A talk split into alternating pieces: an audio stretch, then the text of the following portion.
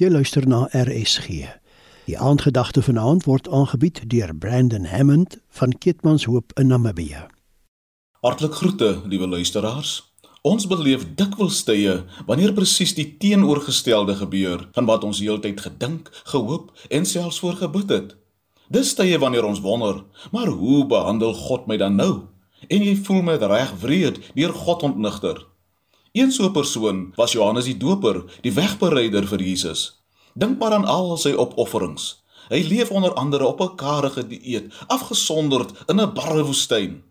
Tog maak hy van hier reklame vir die lam wat die sondes van die wêreld wegneem, vir die een wat doop met die Heilige Gees en met vuur. Hy dek die tafel vir Jesus. En hy doen so 'n voortreffelike werk dat mense dink hy is die Messias.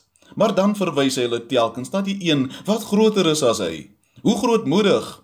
Geen wonder Jesus verwys trots na hom as sy hoofstrooijonker nie. Hulle is buitendien familie. Maar dan beland Johannes in die tronk. En nou het Jesus geen saak aan met hom nie. Hy besoek hom nie eens nie. Dis daarom die vreemd dat Johannes begin twyfel nie. Hy vra Jesus prompt uit vanuit sy tronksel of hy inderdaad die Messias is of nie. Want 'n Messias tree nie so op nie. Maar Jesus reageer ontwykend op sy vraag. Hy praat liewer oor sy wonderwerke en deel 'n dwarsklap uit na Johannes met die woorde: Salig is hulle wat nie vir my kwaad word nie. En dan vertel hy so terloops die skare hoe groot hierdie Johannes eintlik is. Maar ironies genoeg luisteraars, rol die einste groot Johannes se kop hoofstukke later. En Jesus se reaksie? Hy onttrek hom nou aan almal om in stilte te bid, maar dis nie om vir Johannes uit die dood op te wek nie. Al het hy so wonderwerk verdien. Klink dit regverdig teenoor Johannes luisteraars? Dalk nie naaste by nie, maar onthou, Jesus self sterf 'n nog wreder dood.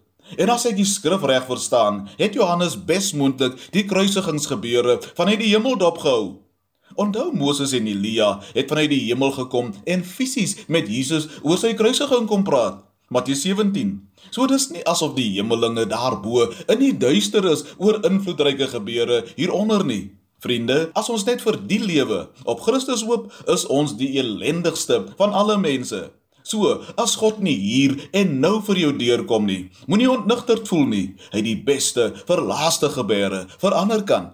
Kom ons bid saam. Here, gee dat ons selfs in die donkerste nag onwrikbaar aan U sal bly vashou in Jesus naam.